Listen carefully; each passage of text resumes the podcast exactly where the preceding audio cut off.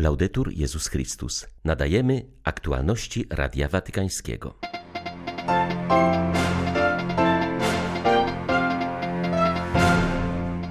Krzyż Chrystusa jest jak latarnia morska, która prowadzi nas po wzburzonym morzu, zwłaszcza osoby i narody, które doświadczają ubóstwa i konfliktów, powiedział papież Franciszek podczas dzisiejszej audiencji ogólnej. Ojciec Święty napisał przedmowę do książki poświęconej zamordowanemu przez Koza Nostre włoskiemu sędziemu. Podkreślił w niej, że działalność mafijna jest zaprzeczeniem Ewangelii. Brytyjscy biskupi zaapelowali o pomoc mieszkańcom etiopskiego regionu Tigraj, w którym ze względu na trwający krwawy konflikt wciąż pogłębia się katastrofa humanitarna. 31 marca witają Państwa Łukasz Sośniak i ksiądz Krzysztof Ołdakowski. Zapraszamy na serwis informacyjny.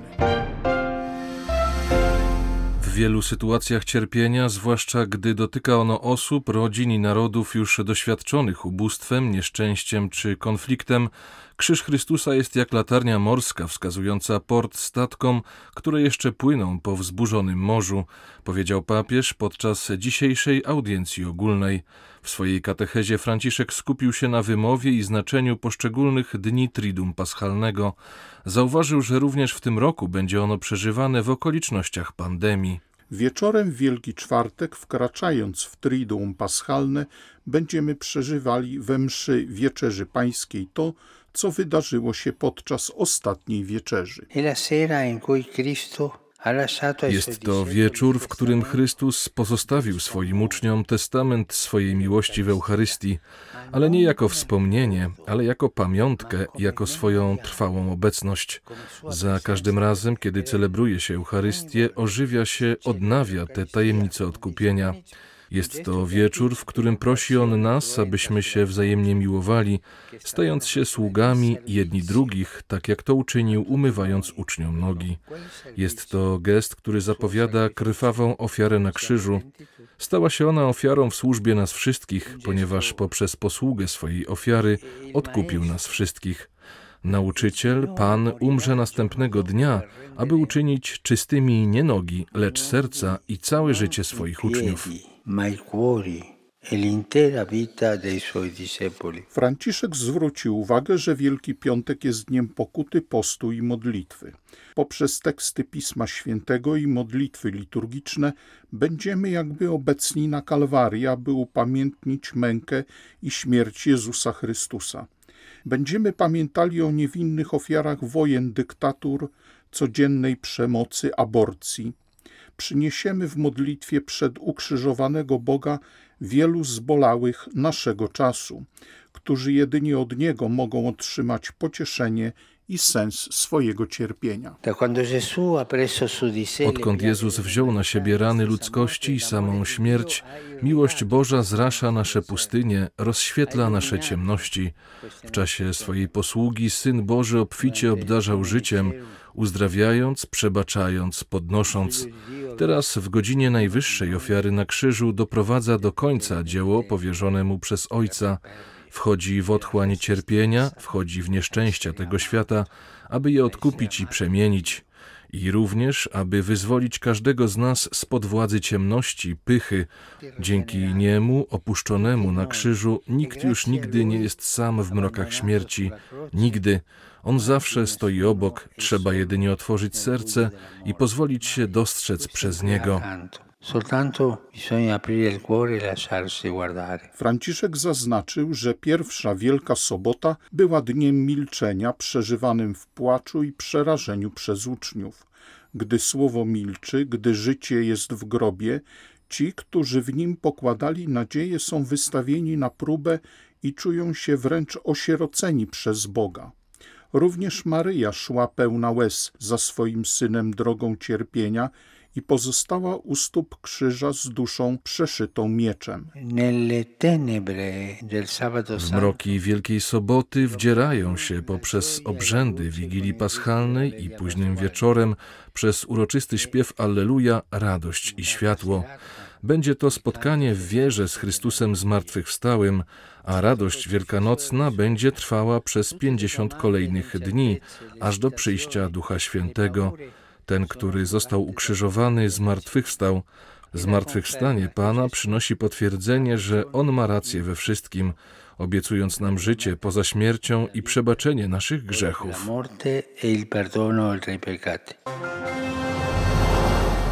Na zakończenie audiencji papież życzył wszystkim, aby zjednoczyli się jeszcze głębiej z Chrystusem, który umarł i zmartwychwstał.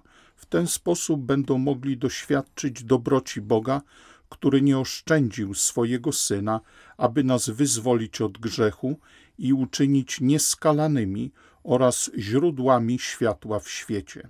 Ojciec Święty zachęcił wierzących, aby byli ikonami miłosiernej dobroci Boga, a także świadkami nadziei. Do Polaków Franciszek powiedział: Pozdrawiam serdecznie Polaków. Jutro wejdziemy w Triduum Paschalne, w tajemnicę męki, śmierci i zmartwychwstania Chrystusa. Jego zbawcze dzieło jest ostatecznym objawieniem miłości Boga, który przebacza, okazuje miłosierdzie i daje nam nowe życie. Niech radość wielkanocnego poranka, pomimo zmagań z pandemią, opromieni Was nadzieją, ufnością i pokojem. Życzę Wam radosnego spotkania ze zmartwychwstałym Panem i z serca Wam błogosławię. Droga krzyżowa pod przewodnictwem papieża Franciszka w Wielki Piątek przejdzie, tak jak w roku ubiegłym, wzdłuż placu Świętego Piotra. Twórcami rozważań i towarzyszących im rysunków są najmłodsi. Chłopcy i dziewczęta z rzymskiej parafii świętych męczenników ugandyjskich, grupa skautów katolickiego związku Ajeshi z miejscowości Foligno w Umbrii oraz dzieci z dwóch rzymskich domów opieki. Kościół pod wezwaniem męczenników ugandyjskich był pierwszym konsekrowanym przez świętego Jana Pawła II w Rzymie. Parafia znana jest z aktywności edukacyjnej i katechetycznej. Proboszczem parafii od 2007 roku jest ksiądz Luigi Derrico. W rozmowie z Radiem Watykańskim kapłan zwraca uwagę, że rozważania i modlitwy narodziły się podczas katechez prowadzonych w Zoomie. Papież Franciszek posiada zdolność wchodzenia w kontakt z sytuacjami ludzkimi, z ludzkim życiem, Wydaje się, że jest to uwaga ojca, pasterza, taty lub mamy, którzy patrzą na to, czym żyją ludzie tworzący rodzinę. Myślę, że papież chciał zwrócić uwagę na młodszych, na tych, o których na początku mówiono, że są dalecy od możliwości zarażenia się, a więc i od śmierci a więc powinniśmy się mniej o nich martwić. Okazało się wraz z upływem czasu, że zachowanie dystansu na szczęście było słuszne, ale są także inne konsekwencje w postaci samotności, braku możliwości przebywania z innymi, zaspokojenia naturalnej skłonności młodych ludzi do bycia z rówieśnikami i spędzania w ten sposób czasu oraz dojrzewania. Wzrasta się w świecie relacyjnym z innymi, w pojedynkę jest naprawdę trudno. Myślę, że papież Franciszek słyszał to na poziomie globalnym. Wszystkie społeczeństwa i wszyscy młodzi ludzie, chłopcy i dziewczęta na tym świecie tak bardzo cierpią. Jego uwaga skupia się na dążeniu do bycia blisko nich.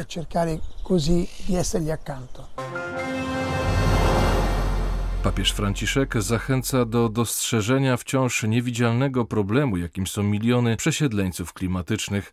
Zwraca uwagę, że zarówno instytucje międzynarodowe, jak i Kościół muszą odpowiedzieć na wyzwanie, jakim jest przedłużające się wykorzenienie i utrata ojcowizny. Tak o pierwszym watykańskim dokumencie na temat przesiedleńców klimatycznych mówi podsekretarz sekcji do spraw migrantów i uchodźców dykasterii do spraw integralnego rozwoju człowieka ksiądz Fabio Baggio. Tylko w pierwszej połowie ubiegłego roku prawie 10 milionów osób zostało zmuszonych do przemieszczeń w wyniku katastrof naturalnych, a prawie 5 milionów z powodu wojen i konfliktów. To są niewidzialni ludzie, którzy potrzebują naszego wsparcia. Papież otwiera nam oczy na skutki kryzysu klimatycznego, mówi ksiądz Baggio. To jest dobrze zdefiniowana grupa, o wiele liczniejsza niż mogłoby się nam wydawać, dlatego że skutki kryzysu klimatycznego bardzo często pozostają niezauważone lub są mylone ze zjawiskami całkowicie naturalnymi. Niestety wiele zjawisk nie jest już naturalnych, ponieważ albo bardzo się nasiliły, albo są nowe i nigdy wcześniej nie występowały na danych terenach, właśnie dlatego, że klimat był inny, a teraz się zmienił. Niezależnie od tego, czy jest to spowodowane ocieplaniem oceanów, zjawiskami atmosferycznymi, których wcześniej nie było, czy też wzrostem pustynnienia i niedoborem wody, które powodują pożary, to mamy do czynienia z całą serią zjawisk, które powodują masowe eksodusy ludności. Jest to wyzwanie również duszpasterskie skierowane do wszystkich, którzy zmuszeni są do migracji z powodu kryzysu klimatycznego. Papież Franciszek napisał przedmowę do książki poświęconej zamordowanemu przez Cosa Nostre włoskiemu sędziemu Rosario Angelo Livatino. Świadectwo jego życia sprawia, że wszyscy czujemy się braćmi, napisał Ojciec Święty. Sędzia Livatino otwarcie przyznawał, że jego walka z mafią, która w latach 80. zdominowała Sycylię, była motywowana wiarą chrześcijańską i uczciwością zawodową. Jego działania i słowa były dla bosów na tyle szkodliwe, że zlecili jego zabójstwo. 21 września 1990 roku 38-letniego sędziego zastrzelili młodociani mordercy, którzy działali na zlecenie Cosa Nostry. Picciotti, co ja ci zrobiłem? Te słowa zdążył wypowiedzieć sędzia, zanim dosięgły go kule. Był to krzyk umierającego proroka, który wołał przeciwko Herodom naszych czasów. Krzyk bólu i prawdy, który swoją siłą unicestwia mafijną moc, ujawniając, że jest ona zaprzeczeniem Ewangelii. Pomimo ostentacyjnego kultu świętych obrazów, zmuszania figur świętych do obrazoburczych ukłonów przed domami bossów i ciągłego eksponowania religijności, jest to karykatura wiary napisał w przedmowie do książki autorstwa Vincenzo Bertolone papież Franciszek. Ojciec Święty podkreślił, że Livatino jest przykładem nie tylko dla sędziów i osób zawodowo zajmujących się prawem, jest wzorem dla młodych ludzi, których struktury mafijne wciąż wabią życiem pełnym przemocy, korupcji i śmierci. Niech jego męczeńskie świadectwo wiary będzie zasiewem zgody i pokoju społecznego, a także znakiem wzywającym do bycia bratem dla każdego. Czytamy we wstępie napisanym przez Franciszka. Brytyjscy biskupi zaapelowali o pomoc mieszkańcom etiopskiego regionu Tigraj, w którym ze względu na trwający krwawy konflikt wciąż pogłębia się katastrofa humanitarna. Brakuje czystej wody, żywności i leków, a ponad milion osób musiało opuścić swoje domy. Wciąż docierają nowe doniesienia o masakrach i naruszeniach praw człowieka. Społeczność międzynarodowa nie może stać bezczynnie, napisali biskupi. Biskupi zapewnili, że cierpiący Etiopczycy nie zostaną zapomnieni ani pozostawieni samym sobie przez brytyjski kościół. Wyrazili również podziw dla pracy lokalnego kościoła, który codziennie dostarcza niezbędne wsparcie humanitarne i dąży do budowania pokoju.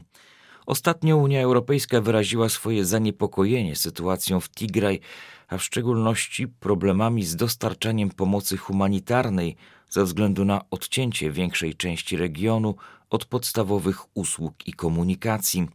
Jak wynika z dokumentu wydanego przez Radę Unii Europejskiej w sprawie Tigraj, konflikt między siłami rządowymi a rebeliantami trwa nadal, zaostrzając napięcia w rogu Afryki, które zaangażowały się już Erytrea i Sudan.